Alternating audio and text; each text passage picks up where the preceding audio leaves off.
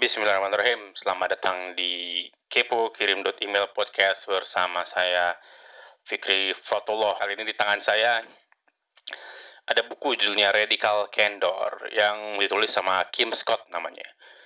Jadi uh, Kim Scott ini pernah bekerja di uh, Google ya, di bawahnya Sheryl Sandberg yang sekarang si Sherylnya sendiri ada di Facebook dan juga pernah bekerja di Apple ya. Jadi uh, sekarang dibikin perusahaan sendiri lah gitu ya. Uh, dan yang buat dia unik adalah dia jadi paham banyak sekali kultur uh, perusahaan besar ya. Dan bagaimana mereka beroperasi di dalamnya dan bagaimana ternyata perusahaan besar dengan budaya yang berbeda-beda seperti uh, Google dan Apple ya itu toh bisa besar juga masing-masing kan gitu ya. Jadi tidak ada namanya satu kultur yang benar gitu. Nah ini buku yang bagus sekali. Jadi uh, tagline-nya adalah How to be a great boss without losing your humanity ya, radical candor. How to be a great boss without losing your humanity. Bagaimana cara menjadi bos yang hebat, bos yang bagus tanpa kehilangan sisi kemanusiaan. Uh, radical candor sendiri dalam bahasa Indonesia uh, berarti apa ya? Candor itu kan keterus terangan ya.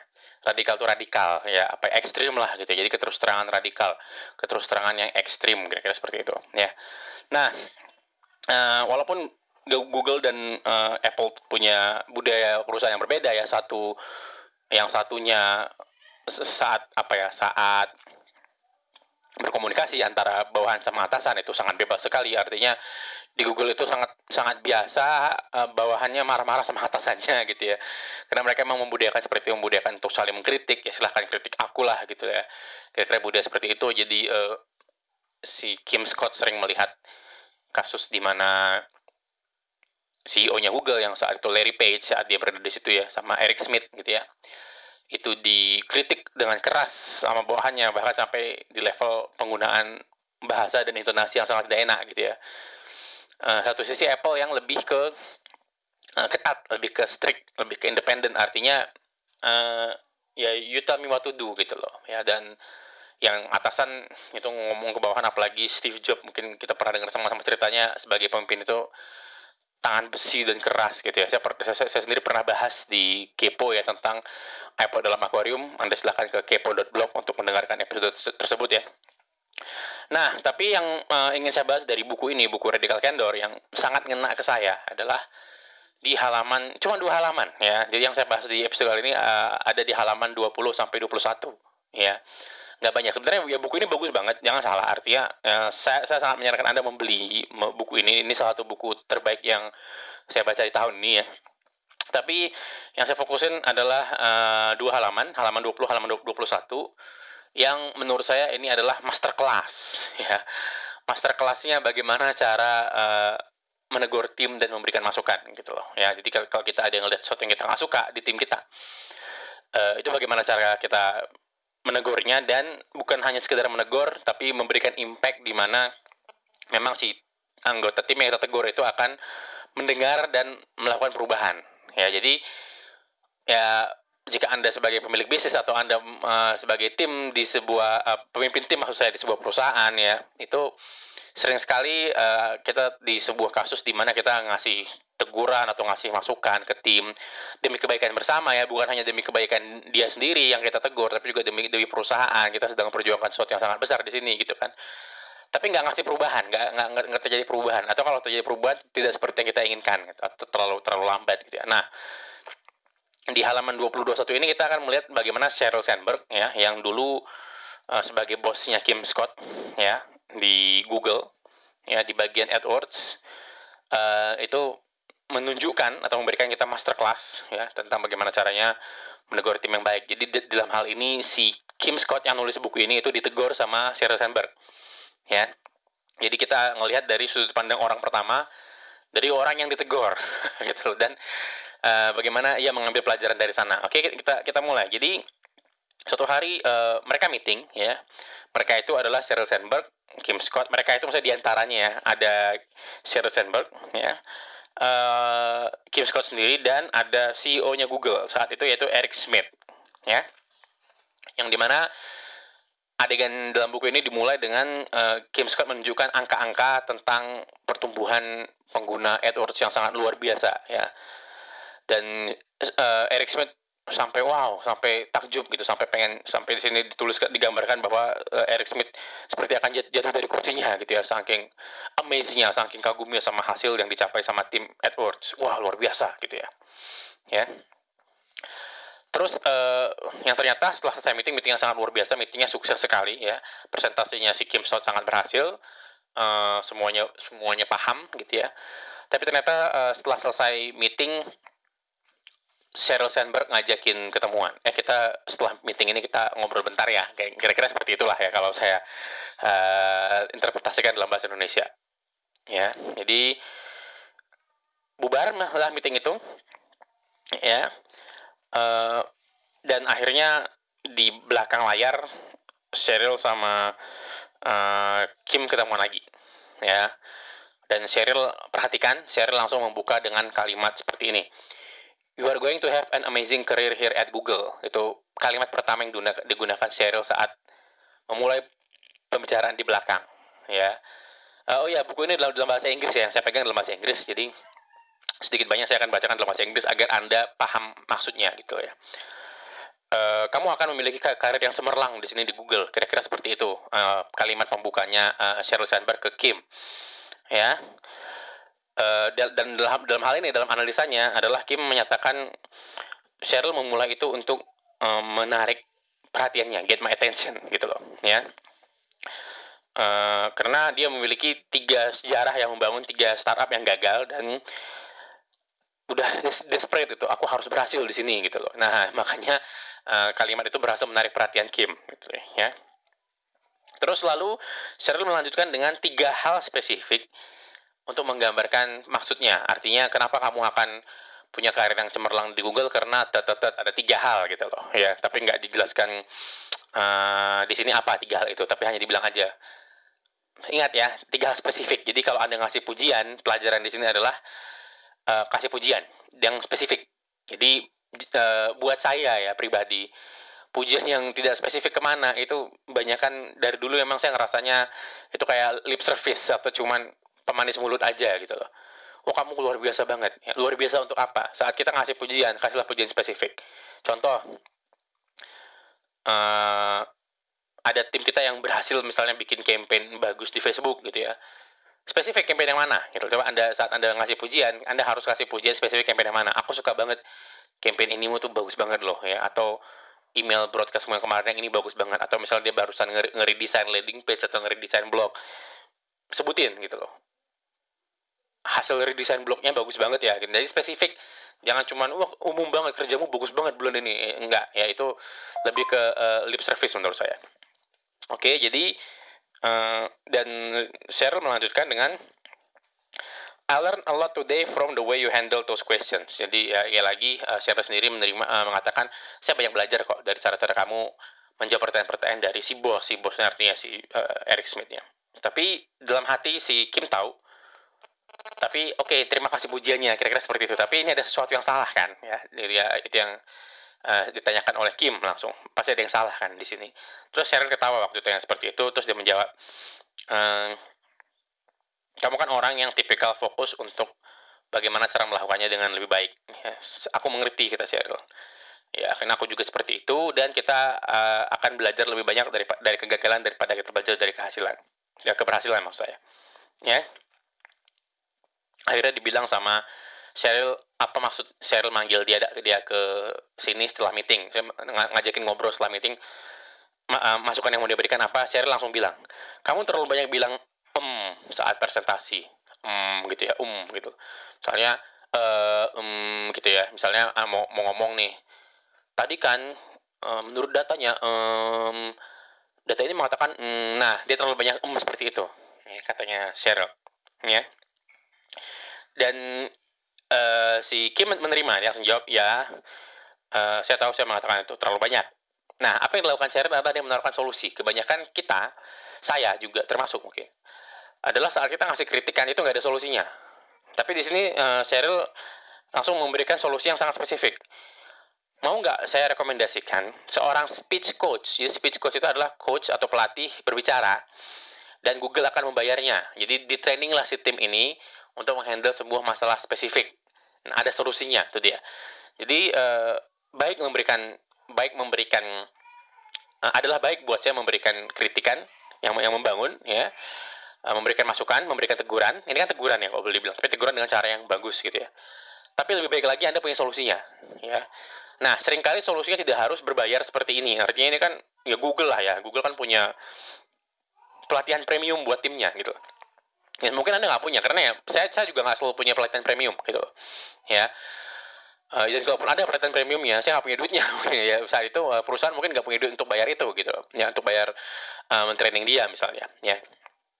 Uh, jadi apa yang kita lakukan ya kita bisa ngasih solusi di luar pelatihan pelatihan-pelatihan premium seperti yang dikasih sama Google ke timnya. Ya. Mungkin anda bisa ngasih ya, artikel blog. Udah udah nyobain ini belum? Misalnya kasih anda kasih artikel blognya atau anda ada ngelihat video presentasi di YouTube misalnya atau TED gitu kan, anda kasih linknya. Udah udah cobain solusi ini belum gitu? Ya kira-kira seperti itu. Jadi jadi anda ada semacam anda menyediakan solusi yang menurut anda bisa menyelesaikan uh, masalah yang dihadapi sama tim anda sekarang. Jadi bukan cuma ngasih kritik doang ya. Uh, tapi ada solusinya gitu. Ya. Uh, terus si Kim ya merespon lah ya saya bukan gugup sebenarnya, tapi karena ada masalah kebiasaan lah gitu ya, verbal tik istilahnya. Terus uh, Cheryl menjawab lagi dengan lebih tegas. Ya, jadi uh, Cheryl ngerasa masukan pertama itu gagal karena karena si Kimnya masih resist, masih nolak gitu ya, dikasih masukan. Lalu uh, Cheryl memberikan lagi masukan dengan lebih tegas, ya. Bahwa kamu adalah orang paling salah satu orang paling pintar yang saya tahu kata Cheryl tapi mengatakan hmm terlalu banyak itu membuat kamu terdengar bodoh kata Cheryl ya terus diulangi lagi solusinya yang kedua. Ya, saya akan memberikan kamu speech coach Google akan bayarnya dibilang lagi sama Cheryl nah jadi apa pelajaran yang, yang bisa kita ambil dari kejadian ini? Dan itu kejadian yang hanya terjadi selama dua menit. Jadi buat saya kejadian dua menit yang ditangkap uh, Kim Scott dalam buku ini adalah master class bagaimana cara menegur tim yang salah gitu ya Nah, apa pelajaran yang, yang, yang bisa kita ambil? Bahwa Cheryl tidak menghalangi, ya Cheryl tidak menghalangi dirinya untuk memberikan kritikan walaupun di tengah-tengah keberhasilan. Saya ulangi, ya jangan biarkan keberhasilan, jangan biarkan hasil positif. Itu kan tadi meetingnya berhasil ya. Kalau kita lihat di, di awal cerita bahwa uh, eh, CEO-nya Eric Smith itu wah luar biasa gitu kan ya, reaksinya bagus. Tapi jangan biarkan hasil positif itu menghalangi kita untuk memberikan masukan atau memberikan kritikan ya kita kita mungkin ya saya saya pernah di posisi itu karena lagi bagus hasilnya omset lagi naik uh, ROAS ROAS itu return of spending ya Facebooknya lagi bagus ya saya udah gitu saya biarin. Oh kan emang bagus padahal saya ada ngeliat ada kekurangan tapi nggak saya kasih masukan karena saya ngeliat hasil lagi lagi bagus tertutupi jadinya. Saya ngerasa oh memang mungkin iklannya seperti itu berhasil. Jadi ngapain saya kasih masukan? Saya ada ngerasa seperti itu dan yang ternyata saya setuju dalam buku ini dinyatakan itu salah gitu loh ya jadi syarat tidak tidak membiarkan hasil yang bagus itu menghalanginya untuk menunjukkan sesuatu yang harus diperbaikin gitu loh. Jadi kalau memang ada anda ngerasa ada yang salah, walaupun uh, sedang di tengah-tengah euforia karena hasilnya bagus, misalnya produksi lagi tinggi gitu ya, pesanan lagi banyak banget, tapi anda ngeliat ini kok timku adabnya kurang ya, misalnya seperti itu gitu ya. Anda nggak ngasih masukan karena mereka lah kerja lagi bagus, itu nyata jangan sebaiknya sebaiknya jangan dilakukan gitu loh. Ya. Lalu Sharon melakukannya secara langsung jadi uh, itu tidak merusak reputasinya Kim di Google, artinya tidak ditegur di muka umum. Wah kamu hina, gitu ya. uh, kamu ngomongnya terlalu banyak, mm, gitu nggak nggak depan umum, tapi dipanggil, dia disisihkan, kemudian diingatkan ya. Rasul juga uh, Rasulullah SAW juga mengingatkan kita kalau menegur itu tegurlah di tempat sembunyi-sembunyi. Ingatkanlah tempat sembunyi-sembunyi, karena kalau terang-terangan itu kita akan permalukan ini sudah ada hadisnya sejak lama. Jadi jauh sebelum Sheryl mengajarkan kita kita sudah diajarkan duluan sama Rasulullah Shallallahu Alaihi Wasallam. Jadi ikutinlah ya seperti yang saya bilang udah udah nggak mungkin salah deh kalau udah ikutin hadis ya.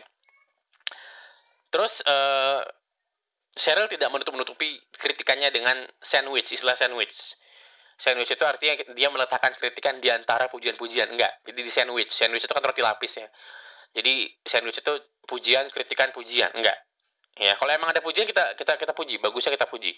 Kalau timnya ada bagusnya, nggak mungkin tim kita jelek semua kan gitu ya. Udah udah kita pecat pasti kan gitu. Pasti ada bagusnya, pasti ada ada ada nggak bagusnya. Pasti ada yang kita suka, pasti ada yang kita suka. Nah, jangan men-sandwich kritikan yang kita nggak suka di tengah pujian-pujian. Ya. Kalau memang uh, kita bilang dia bagus ya kita bilang dia bagus selesaikan kalau kita, kita perhatikan serial ya serial menyelesaikan uh, dia memberikan pujian spesifik di tiga titik tertentu terus dia selesaikan ya udah. Habis itu dia memberikan kritik dan solusinya gitu menawarkan solusinya bukan cuman mensandwich di antara pujian-pujian gitu ya. Enggak ya. Pendekatannya serial itu gentle lembut tapi langsung ya. Jadi kalau katanya Mas Jaya dulu yang Mas Jaya ajarin ke saya adalah uh, speak softly and carry a big stick. Jadi ngomongnya pelan-pelan tapi bawa tongkat besar untuk mukulin gitu. Ya buat saya tidak tidak ada gunanya marah-marah teriak-teriak um, dan mengancam enggak. Ya saya orang yang tegas tapi uh, buat saya nggak selamanya marah-marah jadi solusi ya. Makanya sekarang ada budaya marah-marahin bawahan ya kayak dari uh, wali kota Surabaya Bu Risma itu jadi viral saat marah-marahin bawahan. Ya saya tidak memimpin seperti itu gitu loh ya. Saya nggak bilang Bu Risma salah mungkin di lingkupnya atau di ekosistemnya Bu Risma memang harus seperti itu tapi saya tidak uh, mendukung hal seperti itu ya. Buat saya ngomong pelan-pelan tapi berdampak gitu. Panggil orangnya sini kita ngomong terang-terangan gitu loh ya. Kamu kerjaanmu jelek banget kemarin itu ada apa? Misalnya gitu ya. Langsung tapi ngomongnya nggak usah marah-marah. Kamu ini ya? Nggak perlu gitu. Ya buat saya seperti itu. Jadi orang paling bahaya bukan yang mengancam kalau prinsip saya gitu ya. Uh, jadi ngomongnya lembut tapi langsung ya. Saat si Kimnya nolak ya maka si Cheryl eh, ngomong lagi dengan yang lebih tegas, yang lebih tajam lagi, dan mengatakan kamu kedengaran bodoh. Bukan dia bilang kamu bodoh, enggak. Ya, kamu adalah orang yang paling pintar yang pernah saya tahu, tapi mengatakan um terlalu banyak itu membuat kamu kedengaran bodoh. Ya, perhatikan kalimatnya ya. Terus ada solusi lagi, ditutup dengan solusi. Ada tangible, solusi yang tangible, tangible yang kelihatan, solusi yang bisa kita jalanin bersama, yang kelihatan hasilnya dan, dan, dan terukur gitu loh, ya. Jadi dalam dua menit itu kalau kita breakdown, kita pecah dua menit share Sandberg ngomong itu ada master class tentang bagaimana cara memberikan kritikan dan masukan ke tim atau memberikan teguran ke tim lengkap dengan solusinya dan dan bukan hanya kritikan dan teguran biasa tapi berimpact. Kalau kita lihat sampai si Kim nulis ini dalam buku, bayangin impactnya itu kayak apa ke dia gitu. Ya. Dan ini penting banget kenapa? Karena kalau kita bisa me, me, memberikan impact seperti ini, ingat kita nggak selamanya memimpin. Bisa jadi tim yang kita tegur sekarang berapa tahun lagi dia memimpin tim di bawahnya.